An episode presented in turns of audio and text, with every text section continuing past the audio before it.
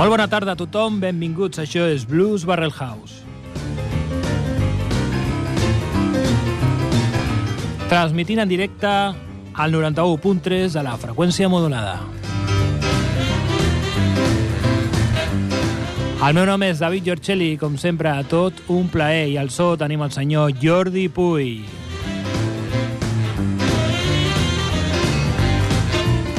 Bé, us recordem que tenim un telèfon del directe, 93 594 21 64.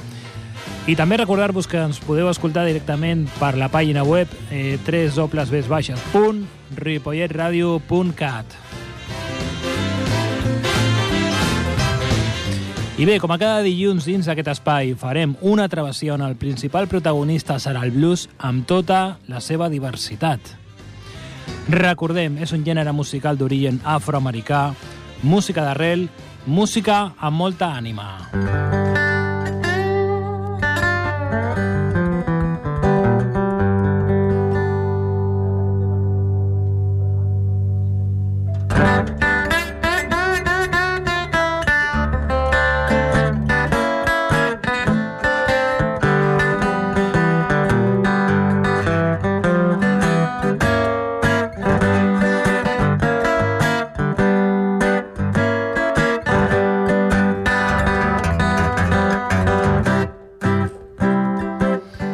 Sí, senyors, primer programa de l'any. Molt contents d'estar aquí un altre cop. Molt bon any a tothom. Esperem i desitgem que eh, aquest 2021 sigui l'any que ens torni a la normalitat, que d'una vegada per totes aquest malson de la, de la pandèmia comenci a remetre que recuperem l'alegria, la il·lusió, les nostres vides, la llibertat, la salut i, sobretot, la cultura. Avui parlarem de l'American Folk Blues Festival i, òbviament, dels seus prota- protagonistes. Aquest va ser un festival de música itinerant que es va celebrar a diferents localitzacions d'Europa de forma anual i que va tenir la seva primera edició l'any 1962. Però abans d'entrar de ple en el fil conductor d'avui, aquest American Folk Blues Festival, li volem fer el nostre humil homenatge a una persona que desgraciadament ens va deixar el passat 26 de desembre. Ella, a part de ser un gran músic i tot un referent del blues a casa nostra, era una grandíssima persona compromesa amb la llibertat i la cultura del país. L'estem escoltant de fons, estem parlant del gran Amadeu Casas. Sí,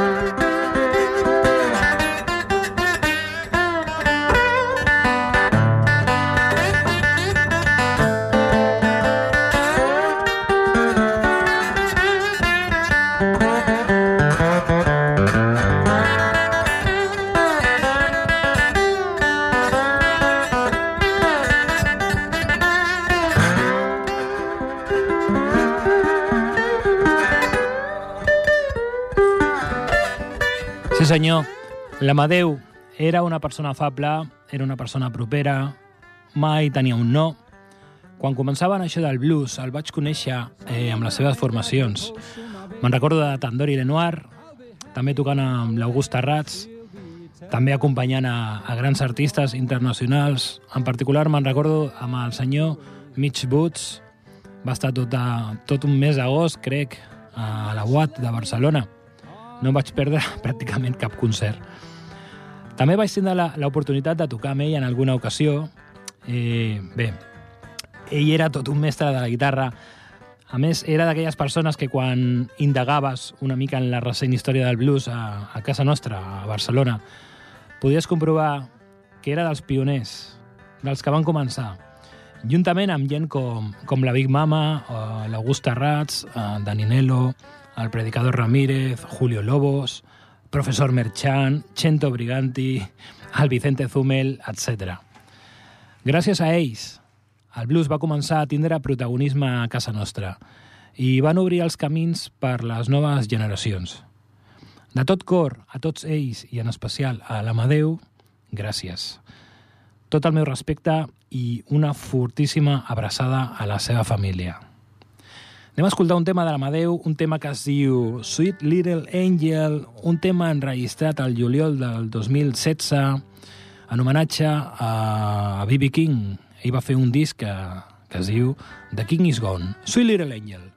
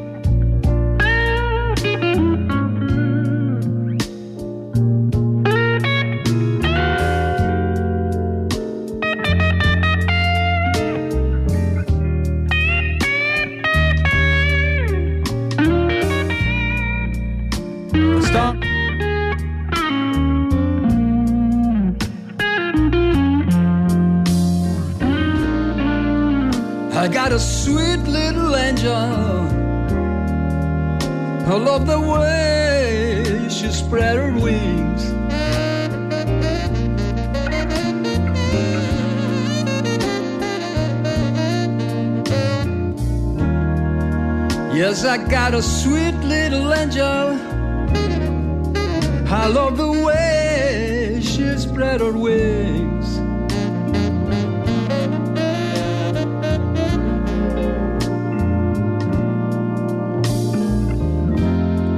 When she spread her wings around me, I get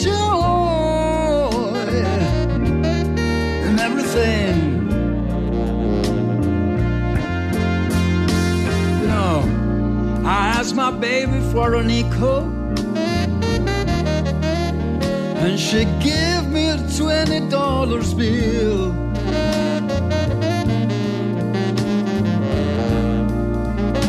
Oh yeah. I asked my baby for a nickel. And she gave me a twenty dollars bill.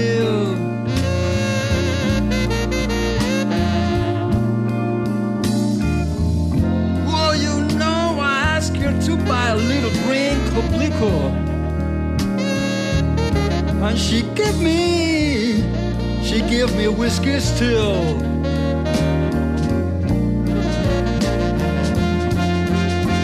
If my baby should me, I believe, I believe I would die.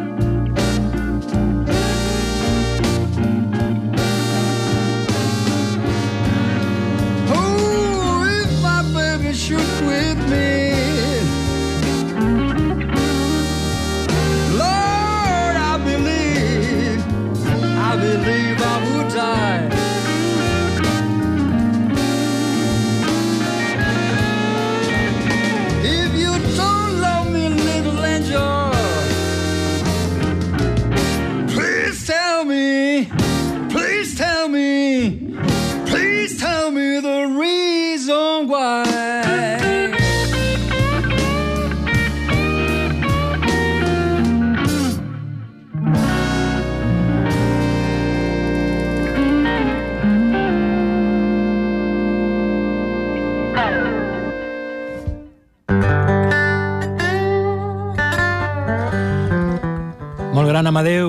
Sigut multitud d'homenatges, missatges, records, eh, moments eh, dedicats a, a l'estimat Amadeu Casas aquests dies a les xarxes, eh, fins i tot als mitjans de comunicació.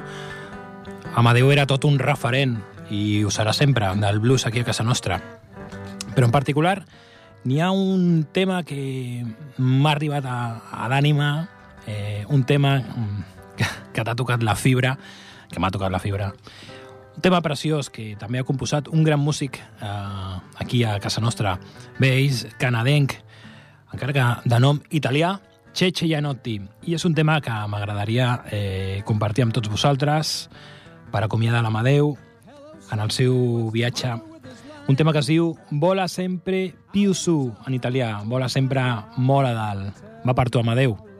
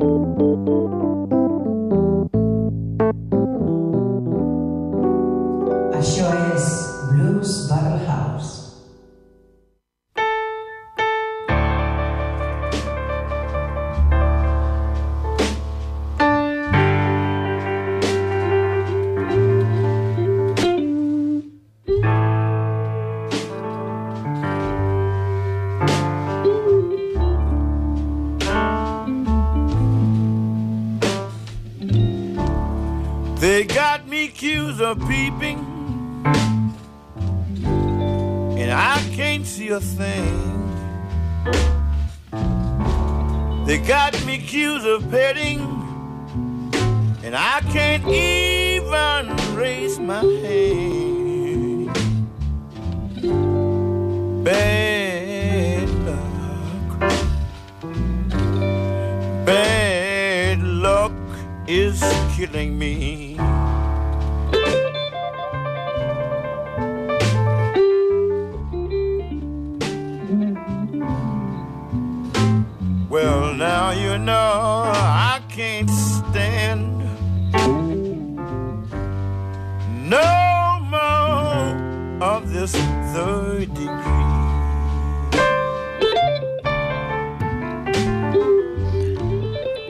continuem aquí a Blues Barrel House, primer programa del 2021.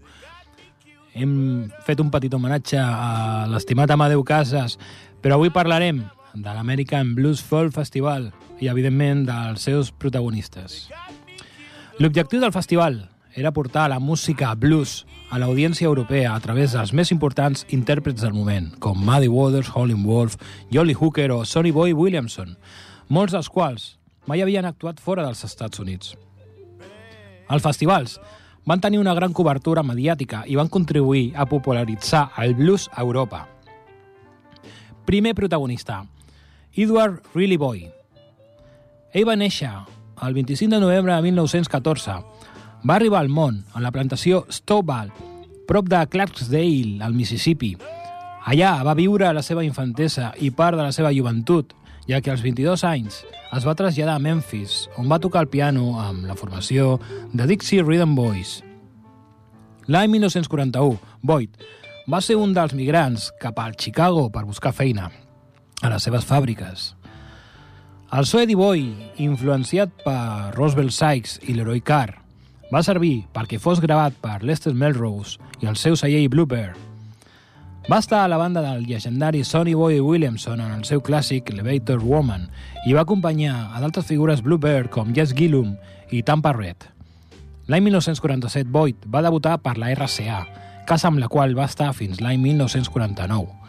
Ja al 52 Boyd es va autoproduir el tema Five Long Years, enregistrament que posteriorment va lliurar a Job Records, la qual va arribar als llocs més alts dels llistats del Rhythm and Blues.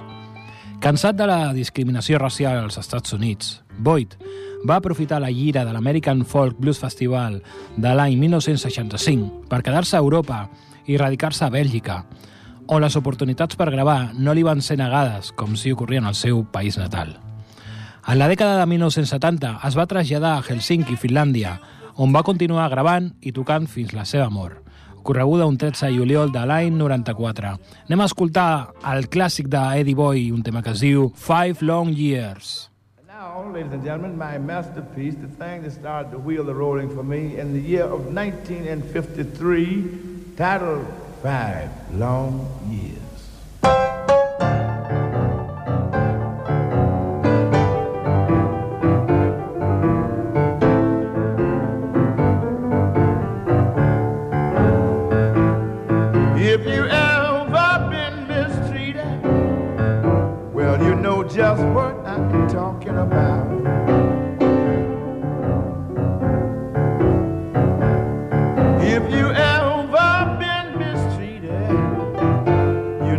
Just what I'm talking about. I worked five long years for one woman, and she had the nerve to put me out.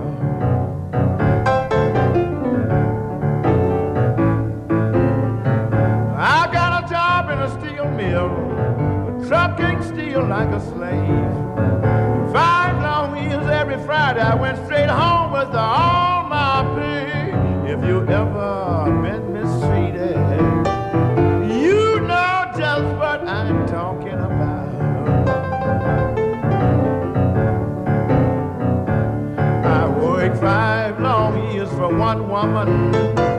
She had the nerve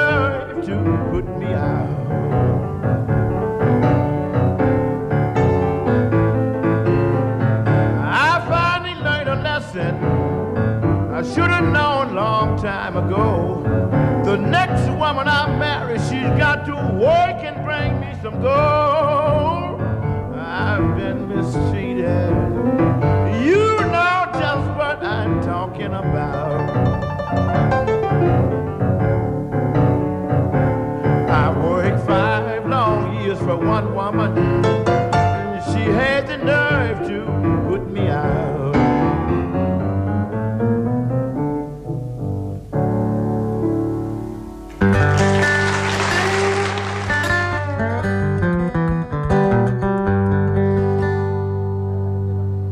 Senyor, continuem a Blues Barrel House, avui parlant de l'American Folk Blues Festival i dels seus protagonistes, la següent, una gran dona, Willie Mae Thornton, Montgomery, Alabama, 11 de desembre de 1926, i ens va deixar L.A., Califòrnia, 25 de juliol del 84.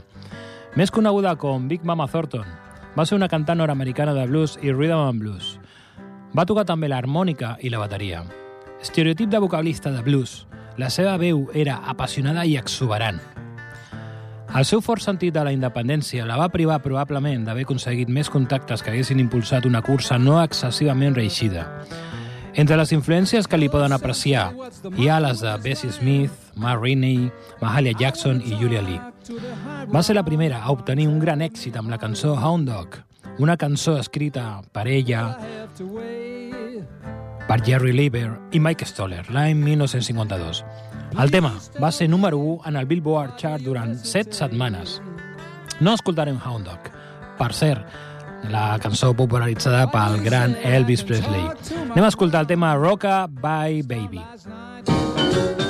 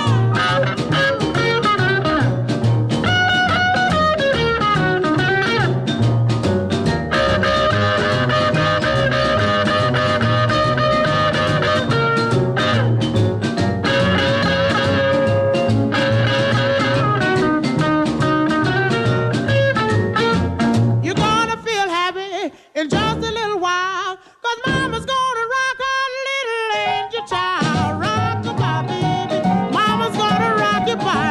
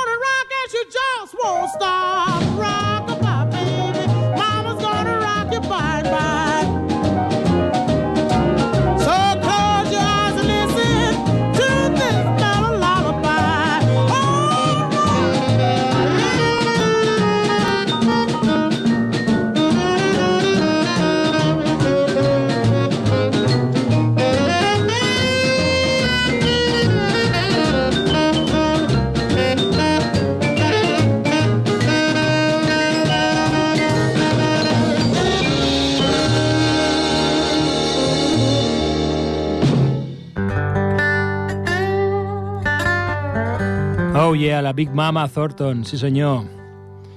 Bé, següent protagonista. Senyor Samuel Magic Sam Maggett.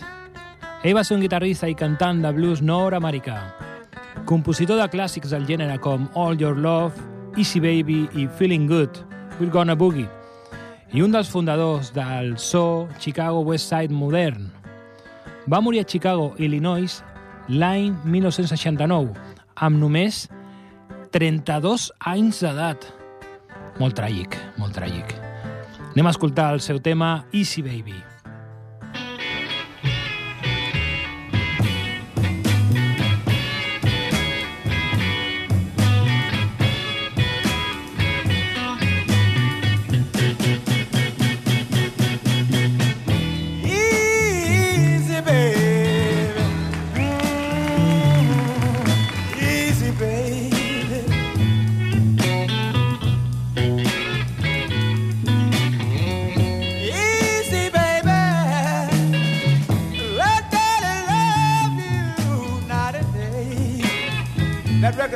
My second album, be out in about two weeks.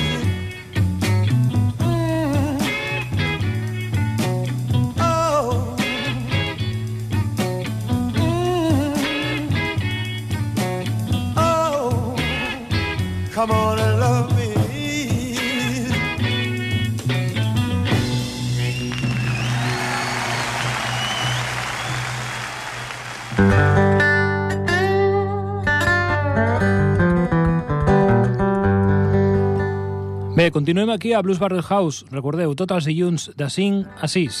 Si voleu alguna petició o algun tema en concret o simplement voleu parlar amb mi, em podeu trucar al 93 594 21 64. Per mi serà un plaer escoltar-vos. Bé, eh, següent protagonista. Considerat com el millor pianista de blues de Chicago de la postguerra. Estem parlant del gran Otis Spann. També un senyor que va morir jove, només amb 40 anys. Quina llàstima.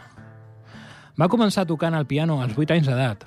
El seu estil estava influenciat pels singles del Big Maceo que escoltava. L'any 1946 va decidir mudar-se a Chicago a professor.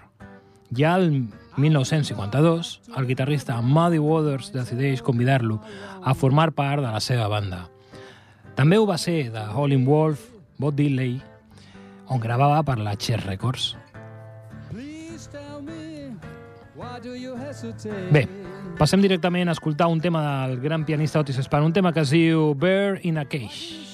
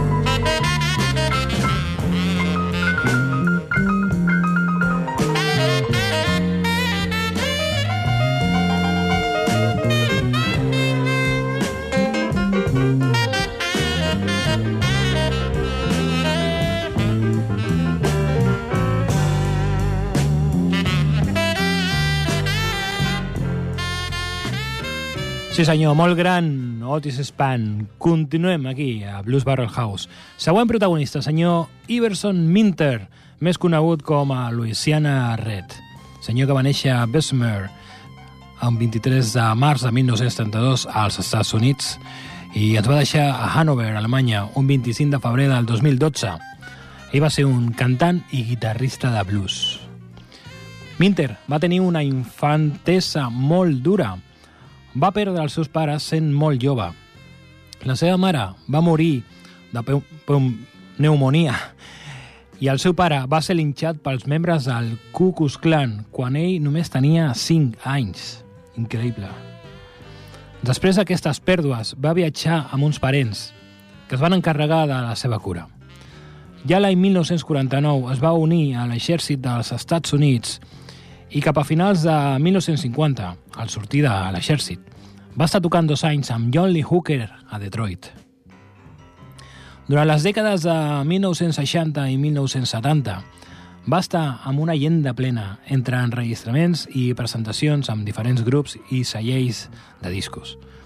Més endavant es va instal·lar a Alemanya, on va continuar oferint concerts fins la seva mort. Puc donar crèdit d'això perquè em sento un privilegiat d'haver acompanyat el gran Louisiana Red en una visita que va fer aquí a, a Barcelona durant dos dies. Un dia vam tocar al Centre Cultural Collblanc La Torrossa i a l'altre dia vam tocar a la Nova Llascava. Vaig, vaig estar amb ell, el vaig acompanyar, vaig fer una mica de road, road manager.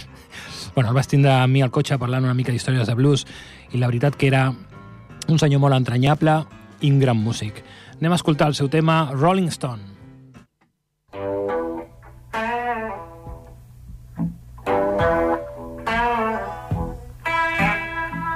Well, I will. I was a catfish. When in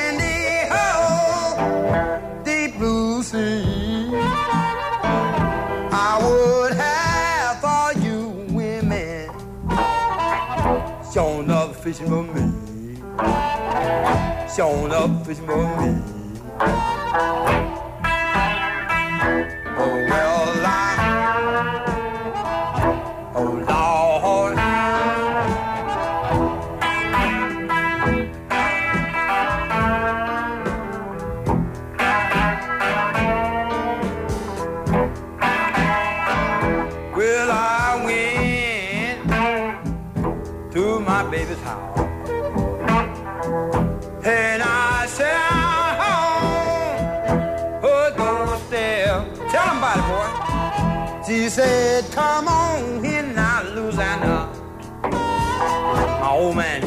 Yeah.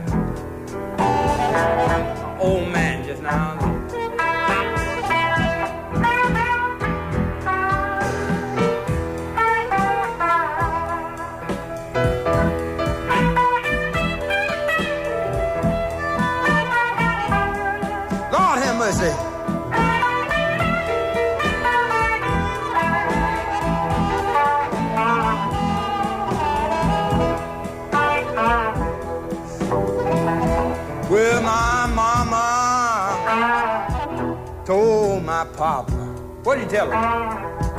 If before hmm, I was born, you got a boy child coming home. It's gonna be a rolling stone, showing up a rolling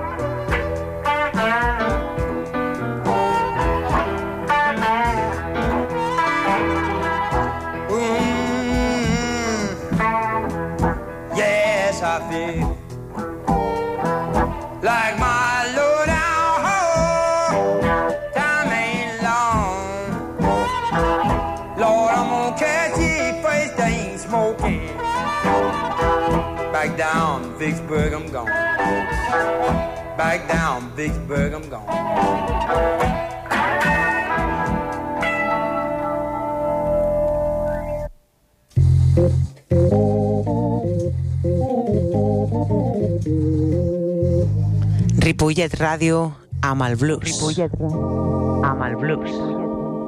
Amb el blues.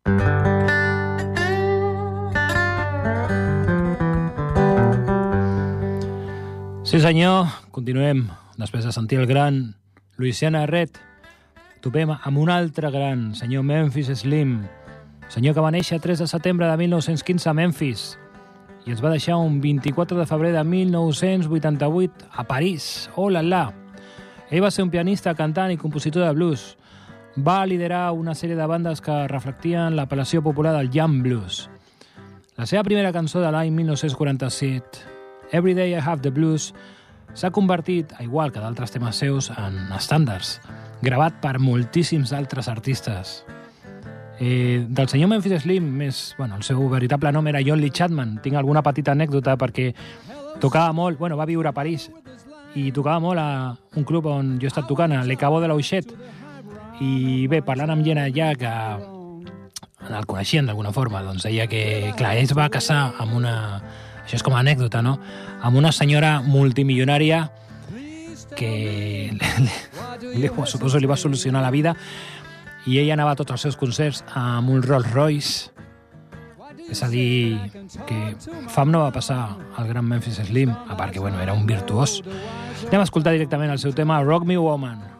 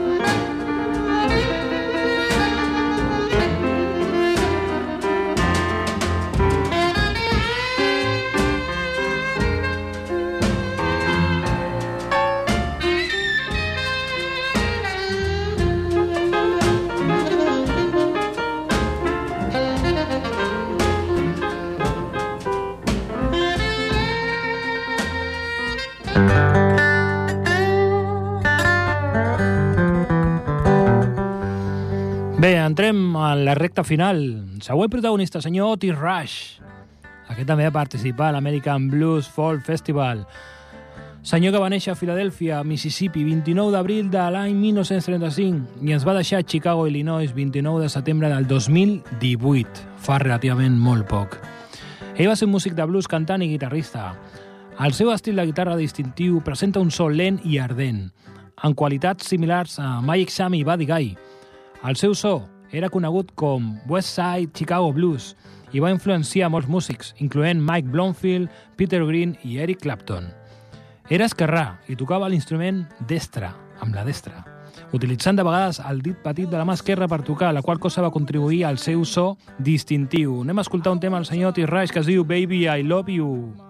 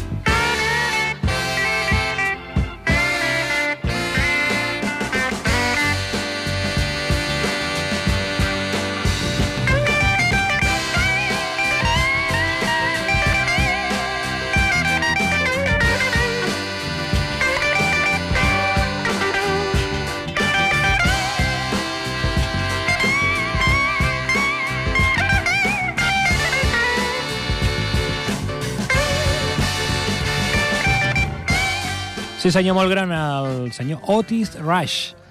Continuem. Següent protagonista, el senyor Roosevelt Sykes. Passem al piano. Ell va néixer al gener de 1906 a Elmer, Arkansas, però es va crear i va créixer musicalment a Helena, ciutat d'aquest mateix estat. Als 15 anys d'edat va abandonar la seva llar per desenvolupar el seu estil Barrel House a l'escena de Sant Louis, la qual ja era molt fèrtil en aquells moments. La seva carrera d'enregistrament va començar l'any 1929 amb el celler OK i va signar amb quatre cases diferents el següent any en només amb noms diferents, perdó. L'any 1951 es va unir al celler United de Chicago, amb el qual va gravar molts temes importants als següents dos anys. L'any 1955, Robert Sykes va gravar per al celler Imperial una impressionant sessió de Sweet Home Chicago, el clàssic de Robert Johnson, el que seria un presagi de la forma en què el pianista interpretaria d'aquí en endavant els seus covers.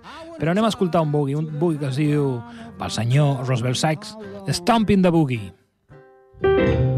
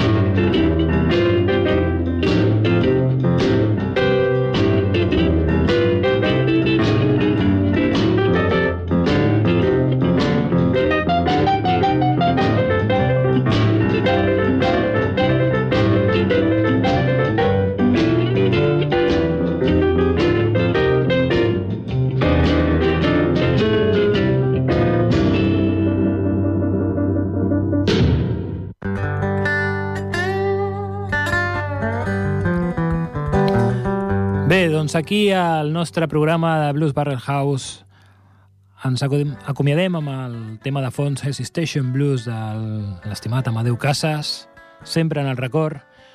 Moltes gràcies, Jordi Puy, al so. El meu nom, com sempre, David Giorgelli, tot un plaer. Recordeu, tots els dilluns de 5 a 6 de la tarda aquí a Ripollet Ràdio, Blues Barrel House. I per acomiadar-nos del programa d'avui, que parlàvem de l'American Folk Blues Festivals i dels seus protagonistes, tenim el gran George Buddy Guy, senyor que va néixer 30 de juliol de 1936. Ell és guitarrista i cantant de blues, conegut per ser un innovador de la guitarra dins del blues de Chicago i és una de les majors influències per a molts guitarristes, com Jimi Hendrix, Eric Clapton o Steve Ray Vaughan, per anomenar alguns. Ha guanyat cinc vegades un premi Grammy. Ara sí, va dir Gai, moltes gràcies per acomiadar el programa. Escoltem el tema Come Back Maddie.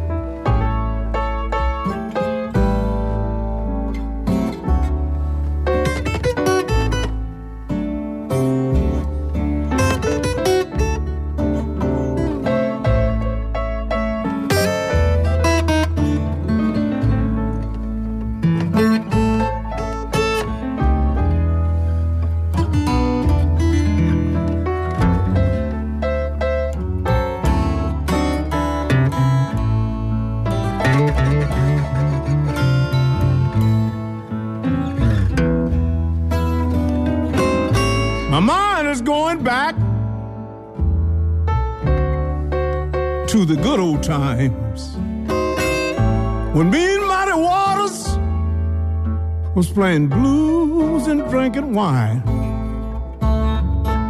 Come back, Muddy. Man, I sure do miss your face.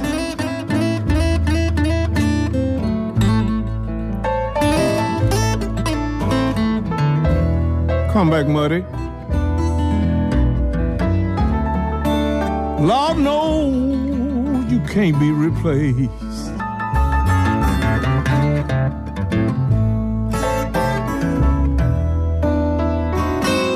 We used to ride around in your big Cadillac, reefer in the glove box, and whiskey in a sack. I said, Come back, Muddy. Man, I sure do want to hear your voice.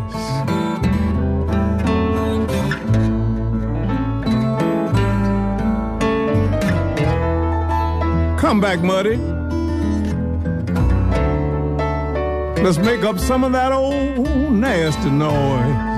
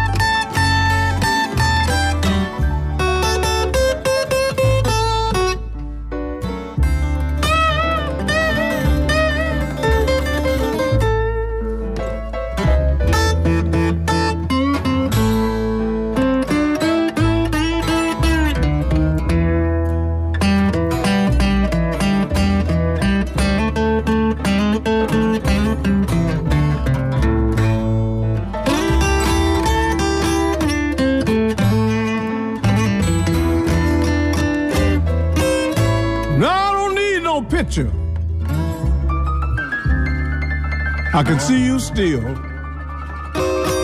carrying a switchblade knife, flashing those hundred dollar bills. I say, come back, Muddy. I miss those good old days.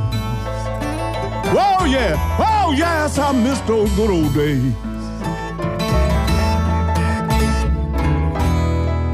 Come back, Muddy.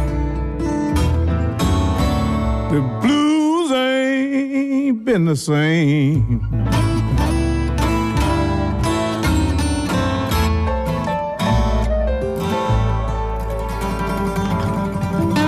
I'm keeping your promise that I would keep on playing.